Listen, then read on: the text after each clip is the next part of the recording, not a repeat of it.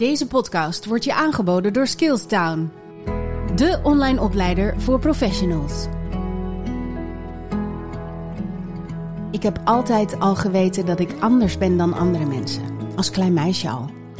Waarom was ik zo anders? In de zoektocht naar het antwoord op deze vraag heb ik heel veel diagnoses gekregen. HSP, ADD, ME, ADHD en zelfs persoonlijkheidsstoornis. Inmiddels weet ik gelukkig wel het antwoord op mijn vraag. Autisme, spectrum, stoornis. Oftewel, autisme. Hoe kan het zijn dat dit 43 jaar heeft geduurd? En waarom zijn er nog steeds zoveel vooroordelen over autisme? Wat is autisme dan wel precies? In deze podcast vertellen verschillende mensen over het leven met autisme. Elk verhaal zo uniek en tegelijkertijd met zoveel overeenkomsten. Ik hoop door deze gesprekken het idee dat mensen over ASS hebben te verbreden en zo eindelijk van het Rainman-syndroom af te komen. Dit is Autisme ontrafeld. En mijn gast van vandaag is Suzanne Rijken. Ze is met haar 16 jaar tot nu toe de jongste gast van mijn podcast. Uiteraard zit Suzanne op school. En daarnaast is ze erg actief op haar Insta-account, @autisus. Welkom Suzanne. Hoi. Wat leuk dat je er bent. Heel leuk dat ik er mag zijn. En de jongste van mijn podcast tot nu toe. En dat vind ik echt heel tof, want ik denk dat het heel belangrijk is dat we niet alleen laten zien wat autisme is bij vrouwen, bij oudere vrouwen. En niet alleen spreken over de late diagnoses die je vaak ziet, maar ook absoluut jonge meiden met autisme. En jij zet je daar heel actief voor in. Mhm. Je bent nu dus 16 jaar. Nou, dan zouden we kunnen stellen dat jij in ieder geval geen late diagnose hebt gekregen. Hoe oud was jij toen je je diagnose kreeg? Dat is net iets meer dan een jaar geleden, dus ik was 15. En kan je nog herinneren wanneer het eerste moment was dat jij dacht: hier is meer aan de hand? Eerst had ik een tijdje niet zo lekker in mijn vel en toen ging ik naar een psycholoog. En daar hebben we een jaar therapie gehad die eigenlijk niet voor mij werkte. Mhm. En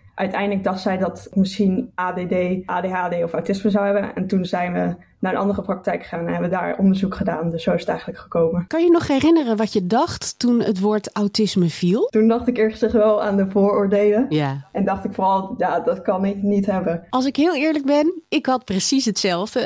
Het eerste waar ik aan dacht Mm. was natuurlijk de film Rain Man. Ik weet niet of jij die kent, want die is van ver voor jouw tijd. Ja, nou, dat ken ik wel. Ik had ook alleen maar vooroordelen over autisme. Ja, ik ben blij dat ik nu wel wat meer erover weet. Op een gegeven moment kreeg je de diagnose. En toen? Nou, ik was daar eerst niet zo blij mee. Maar toen ik er meer over ging lezen, dacht ik van... Ja, toen viel zeg maar alles wel een beetje op zijn plek. En toen dacht ik, oh, zo zit het dus. En toen ik vooral ook andere meiden met autisme leerde kennen... Mhm. toen dacht ik van, oh, is eigenlijk toch wel fijn dat ik nu de diagnose heb. En zeg eens eerlijk, Suzanne. Ben jij dan ook zeg maar zo iemand die, als je dan dus die diagnose krijgt... Dat je dan ook echt nog net geen 24 uur achter elkaar gaat zitten googlen en alles lezen en mensen opzoeken en YouTube-video's kijken. Ja, direct. Mhm. Wel hè? Zonder twijfel.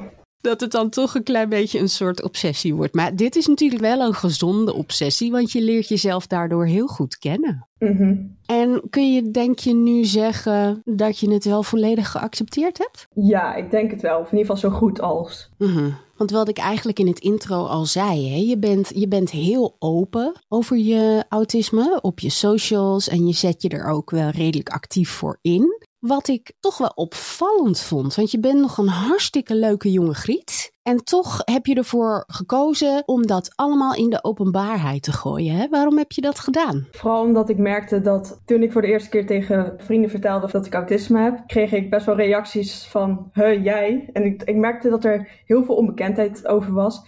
En ook juist heel veel vooroordelen. En ik dacht, ja, dat moet anders. Ja, Dus eigenlijk vooral om het duidelijker te maken. Niet per se omdat ik mijn autisme wil laten zien, maar meer het autisme, hoe het, hoe het ook kan zijn. Ja, precies. Ja, ik sta er exact hetzelfde in. Het hoeft niet om mij te gaan, maar ik wil wel dat mensen nou eens eindelijk gaan leren wat het, wat het echt is. Ja, heel mooi. En kun je, kun je wat meer vertellen over de dingen die je onderneemt om aan de wereld te laten zien wat autisme is? Ja, ten eerste ben ik dan gestart met mijn Instagram-account. Mhm. En verder, nu ben ik op school bezig om een peergroep te starten. Dus om op school een groep op te richten waar autisten bij elkaar komen om het over een bepaald thema te hebben. Om zo ook meer erkenning en herkenning ook te bieden. Mooi. Met UNICEF heb ik iets gedaan, iets van een speak-up program. En daar wilde ik me ook laten horen over neurodiversiteit. Vond je dat niet ontzettend spannend? Enorm. Ik vond het echt heel eng. Hoe heb je je daar doorheen geslagen? Ehm, nou, sowieso ben ik niet alleen er naartoe geweest, want het was in Den Haag bij het hoofdkantoor de eerste Mhm. keer. En toen is mijn vader in ieder geval mee geweest. En ja, toen heb ik het maar een beetje laten gebeuren. Ik heb van tevoren bij iemand aangegeven dat ik autistisch ben en vooral verteld dan ook wat ik dan nodig heb. En uiteindelijk is het gelukkig wel goed gekomen. Ook omdat het over een onderwerp ging dat me aanspreekt, mentaal welzijn. Dus dan is het iets makkelijker om een gesprek over te hebben. Het was nog steeds doodeng, maar Ja, snap ik. Snap ik heel goed. Ik hoor jou heel bewust zeggen dat ik een autist ben. Wat vind jij van die hele discussie van persoon eerst? Ik ben een autist, je hebt autisme. Wat vind je daarvan? Ja, ik vind dat best wel moeilijk. Meestal gebruik ik het een beetje door elkaar. Ja. Omdat aan de ene kant ben ik voor, ik ben een autist. Maar aan de andere kant vind ik voor mezelf toch soms ook, ik heb autisme fijner klinken. Dus het verschilt eigenlijk heel erg ook op het moment. En meestal gebruik ik het dus gewoon door elkaar. Ja, ik ook. Iedereen moet het natuurlijk lekker voor zichzelf weten. Hè? Iedereen moet zeggen wat hij fijn vindt, denken wat hij fijn vindt. Daar is iedereen natuurlijk vrij in. Ik gebruik het ook altijd door elkaar. Maar ik merk dat ik sinds de diagnose, nu een paar maanden geleden. Eh, ik weet het ongeveer een jaar, maar de diagnose, de echte officiële diagnose is nu een paar maanden geleden. Dat ik steeds vaker toch ik ben een autist gebruik. Omdat ik me steeds meer ga realiseren dat het autisme zo ontzettend in mijn persoonlijkheid zit. Dat als ik het zou moeten splitsen, dat ik niet zo goed zou weten wat nou waarbij hoort. Ik heb autisme, voelt bij mij soms ook een beetje zoals ik heb schoenen en ik heb een tas. Ja, Ik heb hondjes en ik heb autisme. Ja, dat past dan soms ook weer niet in mijn hoofd. en ik ben ook vooral van mening dat je niet voor een ander kan bepalen hoe die zichzelf noemt. Want ik krijg dan wel eens reacties van, je, je moet niet zeggen dat je een autist bent. Maar dan denk ik, dan mag ik zelf bepalen. Ik weet wat ik fijn vind. Ja. Dus dat ben ik vooral van mening. We hadden het net even over school. Ik neem aan dat je op de middelbare school zit. Mhm. Regulier onderwijs. Ja, Hoe gaat het op school? ik vind het wel heftig of zo. Ik raak heel snel overprikkeld. Ja. Vooral dat stukje maakt het wel lastig op school, vind ik. Mhm. Maar ik vind mijn school heel fijn. Ik heb bepaalde faciliteiten. Er wordt dus wel goed rekening met mij gehouden. Dus dat is dan wel weer fijn. Op welke manier doen ze dat bijvoorbeeld? Ja, sowieso dan tijdverlenging. Maar ik heb ook dat ik een persoonlijk coach heb.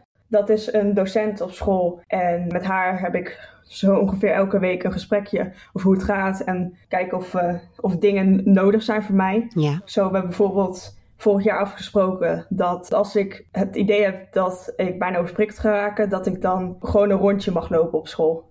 Dus gewoon de les uit mag. Dat is wel heel bijzonder, hè, Suzanne? Want als ik kijk naar mijn eigen zoon, die is nu 17 jaar. Die is dus eigenlijk van het reguliere onderwijs afgegaan. En naar speciaal onderwijs gegaan in de laatste twee jaar van zijn middelbare school. Omdat dat soort dingen dus niet mochten. Hij mocht niet uit de klas. Hij kreeg geen begrip. Ook al waren ze op de hoogte van zijn diagnose. En wat er dus gebeurde in het speciaal onderwijs, kwam hij dus bijvoorbeeld hè, in de klas te zitten bij mensen met ADHD.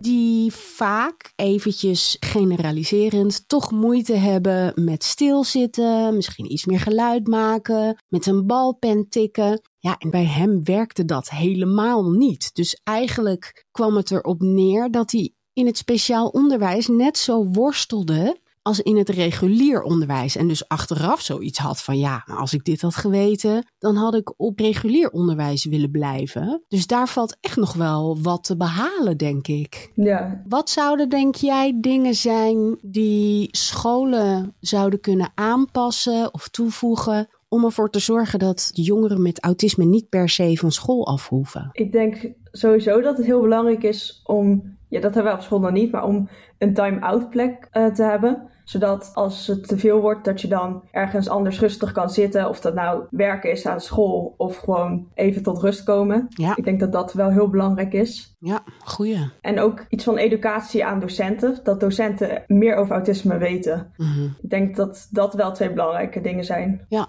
En stel nou, er zitten docenten te luisteren. Hoe zou jij vanuit jouw ervaring uitleggen wat het is om als vrouw, als meisje, autisme te hebben? Vooral overweldigend. Vooral prikkels dan heel hard binnenkomen. En dat ik me soms niet begrepen voel door de wereld. Mhm. Ook omdat de samenleving het is ingericht voor neurotypische mensen. Dus dat het niet voor mij gemaakt is. Dat ik vooral dingen lastig vind die neurotypische mensen makkelijk vinden, maar ook andersom. Ja. Kun je daar eens een voorbeeld van geven? Ik denk dat out of the box denken wel een van die dingen is. Ik kan heel goed anders denken of minder bevooroordeeld denken Ja. dan eh, de meeste neurotypische mensen. En ik denk dat dat een goed voorbeeld daarvan is. Ja. Dat zou je wel een superpower kunnen noemen, denk ik. Hm. Ja, ik vind het altijd wel mooi als we het hebben over autisme, om dan niet alleen maar over eventuele beperkingen te spreken. En dan absoluut niet dat bagatelliseren, hè? want er zijn heel veel verschillende soorten autisme. Het spectrum is enorm breed.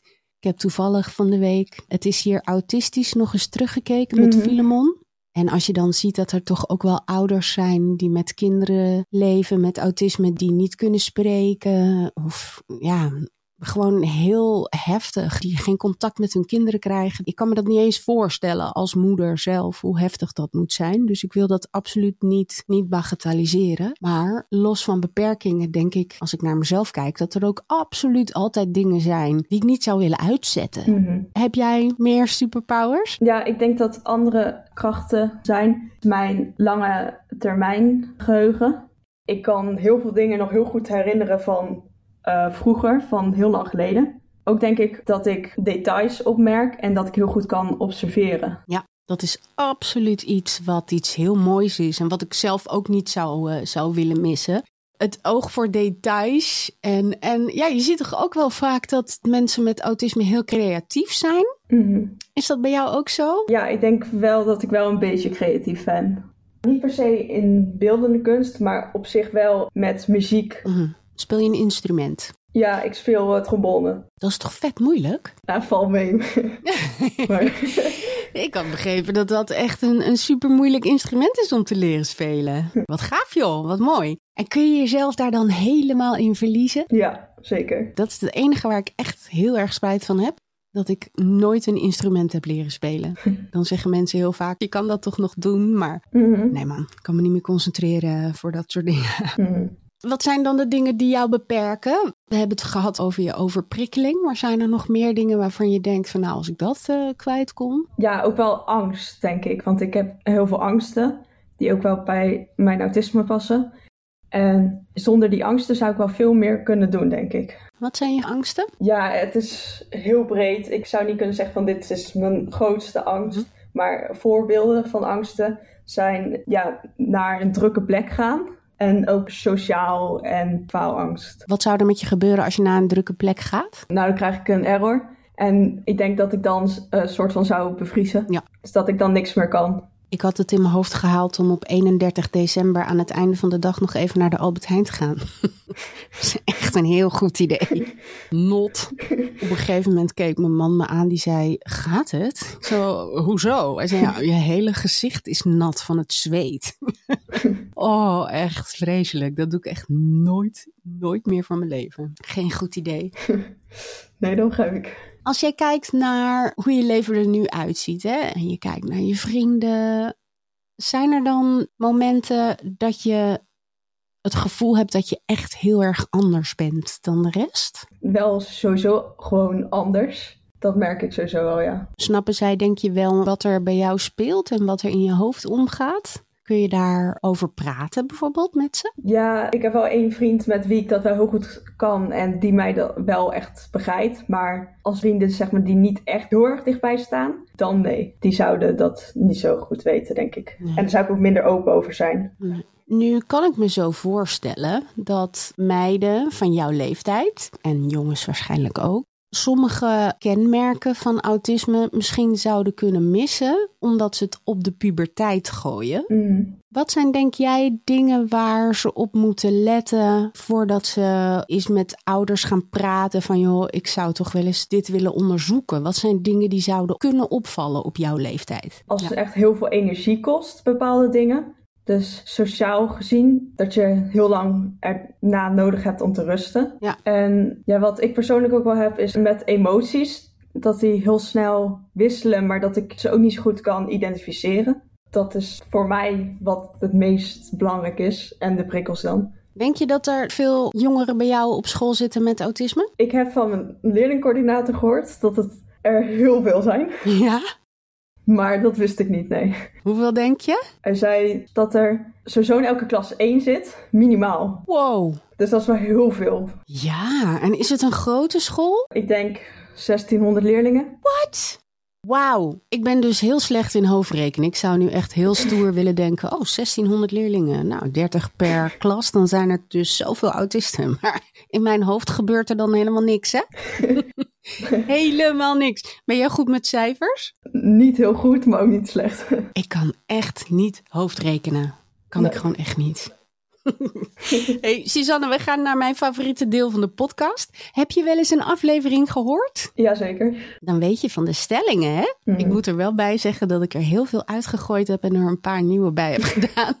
Omdat ik Mhm. dacht, anders gaan mensen misschien te veel anticiperen. En ik vind het toch wel leuk om ook een beetje spontane reacties te horen. Dus het kan zijn dat je een heleboel nieuwe gaat horen. Oké. Ik vind het gewoon leuk omdat dit dingen zijn die ik in mijn dagelijks leven meemaak. Of waar ik tegenaan loop en waar ik van denk, wow, wat is dit raar of wat apart. En ik wil eigenlijk gewoon weten of dat jij dat ook al zo voelt of meemaakt of hebt. Goed? Oké. De eerste is hetzelfde gebleven omdat dit er eentje is die eh, ik heel belangrijk vind. En dat is maskeren is mijn grootste kracht en valkuil tegelijk. Ja, dat geldt ook zeker voor mij. Ja? Ja, Ben je goed in maskeren? ik denk het wel. Sommige mensen met autisme vinden het heel lastig om het een kracht te noemen. Waarom zie jij het wel als kracht? Het is toch wel een manier om in de klas bijvoorbeeld mee te komen met de anderen. Of in ieder geval enigszins mee te komen. Ja. Zonder te maskeren zou me dat niet lukken. En zou ik geen samenwerkingsopdrachten kunnen doen. En gewoon niet in de normale klas kunnen zitten. Ja, dus het is eigenlijk een soort copingmechanisme. Mhm. Ja, snap ik wel. Rigiditeit. Ik doe alles volgens vaste patronen of structuren. En als ik hiervan moet afwijken, veroorzaakt dat enorme stress. Dat valt wel mee. Dat heb ik niet zo heel erg. Wat heerlijk. en kun je bijvoorbeeld goed tegen veranderingen? En zou je, zou je jezelf flexibel kunnen noemen? Nee, dat niet. nee, Dat zeker niet. dat is dan net weer een brug te ver. Ja, zeker. De volgende. Een dag naar school gaan kost minder energie dan een verjaardag. Nee, dat denk ik niet. En vooral omdat bepaalde les op school namelijk best wel drukke klassen. Eigenlijk is het dan soort van te vergelijken met een verjaardag qua geluid en qua hoeveel gesprekken er bezig zijn. En dan is het ook nog eens echt een dag. Dus dat geldt niet voor mij, denk ik. Ik vind het leuk als het niet al te lang is. maar dat is meestal wel. Wij werden voor oud en nieuw op het allerlaatste moment uitgenodigd voor goede vrienden van ons. Mhm. En toen heb ik geloof ik drie keer een appje gestu- gestuurd of er ook nog andere mensen kwamen. ik kan dat dan zeg maar net handelen, zo van oké, ja weet je, laten we maar gaan. Want met z'n tweeën hier op de bank zitten met oud en nieuw is ook niet echt gezellig. Mhm. Alhoewel me dat prima had geleken. Maar mijn man is iets socialer dan ik. Dus ik kon het dan zeg maar net handelen om dan daar naartoe te gaan, omdat ik ze ken en ze, en ze vertrouw. Maar dan het idee dat er andere mensen zouden zijn die ik dan misschien niet ken, Mhm. dat gaf me dan weer zoveel stress dat ik er spontaan klotsoksels Ja. van kreeg. Gelukkig waren alleen wij daar. Dat scheelde. Mhm. In bed duurt het gemiddeld anderhalve minuut voordat ik goed lig. Ja. Sowieso. Daar heb jij dus ook last van. Ja. Ik dacht echt dat het normaal was. Ja, ik weet niet, voor mij wel. Maar als ik naar mijn man kijk, die gaat liggen en nog voordat hij helemaal in bed ligt, slaapt hij al. Maar ik moet altijd alles op een bepaalde manier. En als dat dan niet is zoals ik het in mijn hoofd heb, en dat is dan toch ook bij mij wel weer een beetje rigiditeit. Het dekbed moet tussen mijn voeten. Maar mijn onderste voet moet wel gewoon op het matras. En dan heb ik tussen mijn knieën heb ik een knieënkussen, omdat ik altijd last heb van mijn knie. En dan moet het dekbed moet over mijn schouder. En ik heb in mijn rechterhand heb ik een knuffel die ik eh, tien jaar geleden een keer van mijn zoon heb gehad. En sindsdien slaap ik daar Mhm. iedere avond mee. Dat is Lucy. Shout-out naar Lucy. en als ik dan bijvoorbeeld lig, dat heb ik ook wel eens uitgelegd in de podcast. En er komt lucht onder mijn shirt, mijn t-shirt. Mm. Ja, dan moet ik weer helemaal opnieuw beginnen. Want dat, dat kan ik gewoon niet accepteren. Hoe ziet dat er bij jou uit als je in bed gaat liggen? Heb je bepaalde dingen die per se op een bepaalde manier moeten? Eh, ja, maar niet eens per se bewust. Ik lig wel altijd op dezelfde manier en dat duurt dan altijd ongeveer even lang voordat ik weet hoe dat dan ook alweer is. En voordat je lekker ligt ook. Ja, precies. Ja, goh, we lijken best op elkaar. Grappig. Ik heb heel veel moeite met de deur uitgaan. Ja, een beetje, denk ik. Ik ben altijd bang dat ik dingen vergeet. Dat ten eerste. Mhm. En komt het dan ook doordat je dingen vergeet? Of is dat gewoon een angst? Ik denk gewoon een angst, want meestal vergeet ik niet eens iets. Ja. En ik, Ik ook niet. Ja, behalve mijn telefoon. en ik weet ook nooit zo goed eh, hoeveel tijd ik voor een bepaald iets nodig heb. Dus dan maakt het wat lastiger. Snap ik. Ja, ik ben gewoon het liefste thuis. Ja, ik ook. Ik ben gewoon een echte huismus. Weet je wel, lekker met de gordijnen dicht. Onder een dekentje op de bank of lekker schilderen. Daar word ik gewoon het minst overprikkeld van. En ja, dan ben ik gewoon happy, weet je wel. Ik hoef niet per se constant de hort op. Maar ik heb dat ook eigenlijk nooit gehad hoor. Toen ik jouw leeftijd had, ook niet. Mhm. Weet je, wij hadden natuurlijk in de jaren tachtig al helemaal geen idee van wat autisme was. En laat staan bij vrouwen. Mhm. Dus dan ging ik, weet je wel. En dan was ik drie dagen helemaal kapot. En dan dacht ik, nou, dat zullen zij ook wel hebben. Maar dat was natuurlijk helemaal niet zo. Als ik de deur niet uit hoef, dan ga ik ook niet de deur uit. Nee, nee, precies. Dus je bent ook wel een huismusje. Jazeker. En als je de deur dan uitgaat, volgende stelling. Ik ben allergisch voor te laat komen en mensen die bij mij te laat komen. Ja, sowieso. ja, Je wordt 's ochtends wakker, je kijkt op de wekker en je denkt... "Oh, ik had gewoon al in de bus, trein, metro, whatever, fiets moeten zitten naar school. Wat gebeurt er dan? Dat zou sowieso niet zo snel gebeuren. Maar als dat gebeurt, dan zou ik helemaal van slag raken. Dan denk ik niet eens dat hij nog naar school zou gaan. Ben je zo van slag dat dat niet meer lukt? Ja, Oh, ik heb het allerergst met file. Als ik dus Mm. alles netjes heb gepland. En ik ga tegenwoordig sowieso al twintig minuten voordat ik eigenlijk de deur uit moet, ga ik al de deuren uit. Mhm. Omdat ik anders zenuwen krijg. En ik wil niet met anxiety in de auto zitten. Maar als er dan toch eens ergens wat gebeurt. En er komt zo'n onvoorziene file, bijvoorbeeld midden op de dag. Nou, ik word helemaal gek, hè? Mhm. Ik begin te zweten. Ik kan me bijna niet meer concentreren. Oh, ik vind het zo erg als ik dan mensen moet bellen of wat dan ook. En zeggen dat ik, dat ik te laat kom. Nou, ik weet niet waar dat nou precies aan ligt. Nou, ik ben liever een half uur te vroeg dan één minuut te laat, denk ik. Ik ook, precies hetzelfde. En heb je dan ook, als er bijvoorbeeld iemand langskomt, op een verjaardag of wat dan ook, dat je dan op het moment, of eigenlijk tien minuten van tevoren al, Ja. uit het raam gaat kijken of ze er al zijn? Ja, zeker. Zonder twijfel. Ik ook. Oh, wat grappig. Ik heb een aantal special interests. In mijn geval bijvoorbeeld schilderen. Ik ben gek op true crime en seriemoordenaars. Klinkt een beetje gek. Niet op de moordenaar zelf, maar de psyche. Laat ik dat even verduidelijken. De psyche achter seriemoordenaars fascineert mij. Ik heb zeker speciale interesses, maar niet per se voor crime of zoiets. Wat zijn dingen die jij echt heel graag doet op het moment dat je niet overprikkeld bent en lekker vrij bent? Meestal ben ik bezig met autisme, dus of, of dan wel eh, mijn autisme-account of dingen erover lezen of opzoeken. En wat ook eh, speciale interesses van me zijn, is taalwetenschap en vreemde talen. Welke talen spreek je? Nou, sowieso Engels dan. En een beetje Frans en iets beter Duits. Maar ik ben nu in ieder geval Zweeds, Deens en Noors aan het leren. Serieus? Wat geweldig. Waarom? Waarom die talen? Nou, ik vind Scandinavië helemaal geweldig. ik ben nog nooit geweest, maar ik vind het helemaal geweldig. Gewoon alleen die cultuur. Is het moeilijk Zijn het moeilijke talen om te leren? Nee, dat valt wel mee, want het zit in dezelfde taalfamilie uh, ongeveer als Duits en Nederlands en Engels, dus dat scheelt. Ik kan niet tegen verschillen in temperaturen. En dan geef ik altijd als voorbeeld dat je dus midden in de winter lekker in je warme bedje ligt. Nou hebben wij hier natuurlijk eigenlijk drie kwart jaar herfst. Maar stel je voor, je ligt in Zweden in je warme bedje onder een paar dekens. Dan moet je uit je bed. Dat is al, dat, nou ik weet dat iedereen het verschrikkelijk vindt, maar ik kan echt gewoon wel janken. Mhm. Dan de, de badkamer in, koude tegels.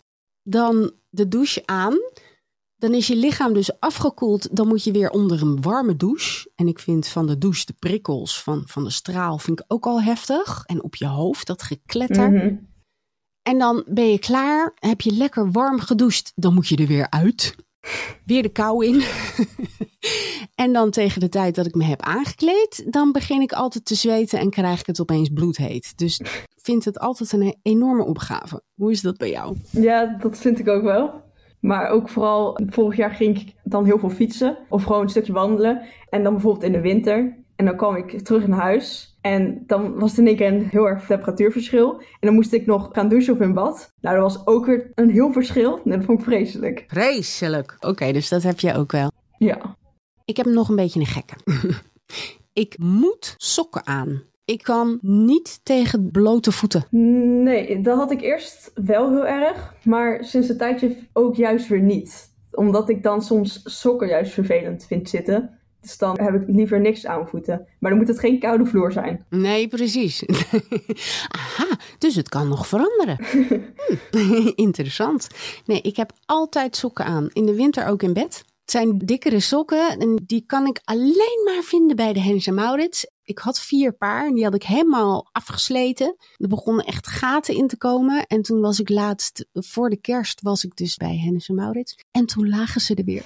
ik was zo blij. Toen heb ik gelijk vier paar gekocht. En het is wel met een kerstprint. Dus ik loop nu het hele jaar met een kerstprint. Maar dat kan me niks schelen. Ik ben zo blij met mijn sokken. Heb jij andere rare dingen, of niet raar per se, maar andere dingen qua kleding of, of zoiets wat je fijn vindt of juist echt helemaal niet graag draagt? Nou, strakke kleding vind ik echt vreselijk. Ja. Daar kan ik echt niet, nee, daar kan ik letterlijk en figuurlijk niet aan. Ja, nee, ik ook niet. Oh, skinny jeans. Ik heb het zo vaak geprobeerd. Zolang ik sta, gaat het wel. Maar zitten? Oh, die rand in je buik. Mm Ja. Nou, ik heb er nog drie. Ik ben heel benieuwd.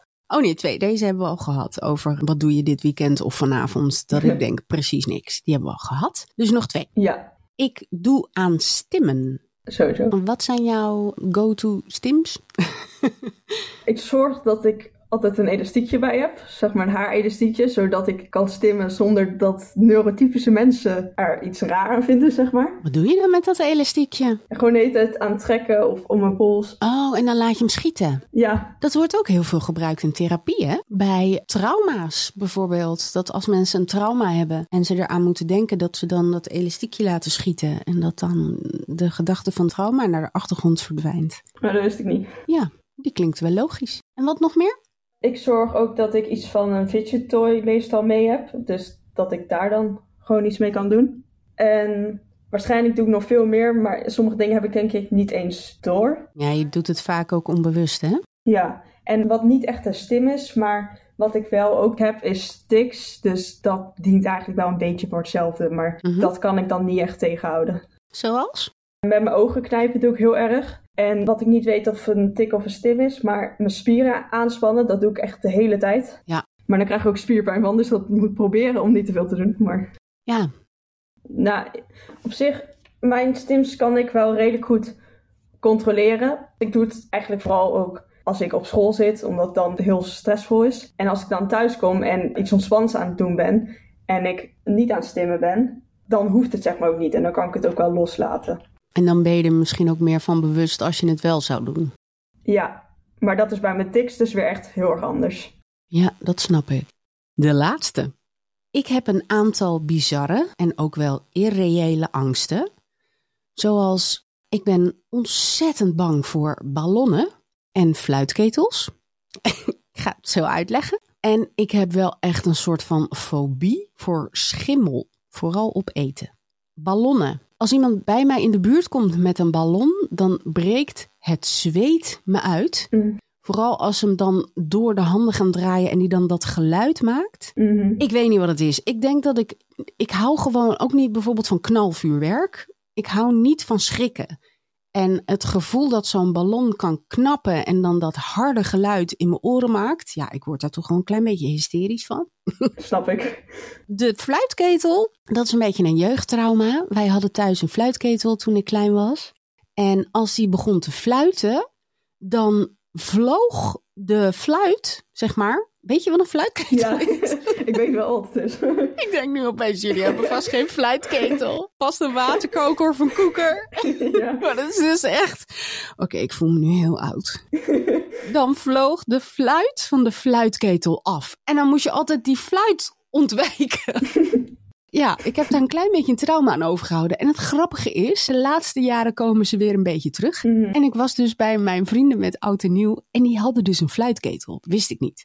En die hadden ze op het vuur gezet. En ik hoor dat geluid van die fluitketel. Nou, ik krijg letterlijk nu. Het is jammer dat ik het niet kan laten zien. Als ik het er alleen al over heb, krijg ik kippenvel. ik ben niet gek. Echt niet. Ballonnen en fluitketels vond ik verschrikkelijk. En schimmel op eten. Nou, je kan me bijna niet hysterischer krijgen. Dat er dan zo'n fluffy laag op zit. Oh, vreselijk.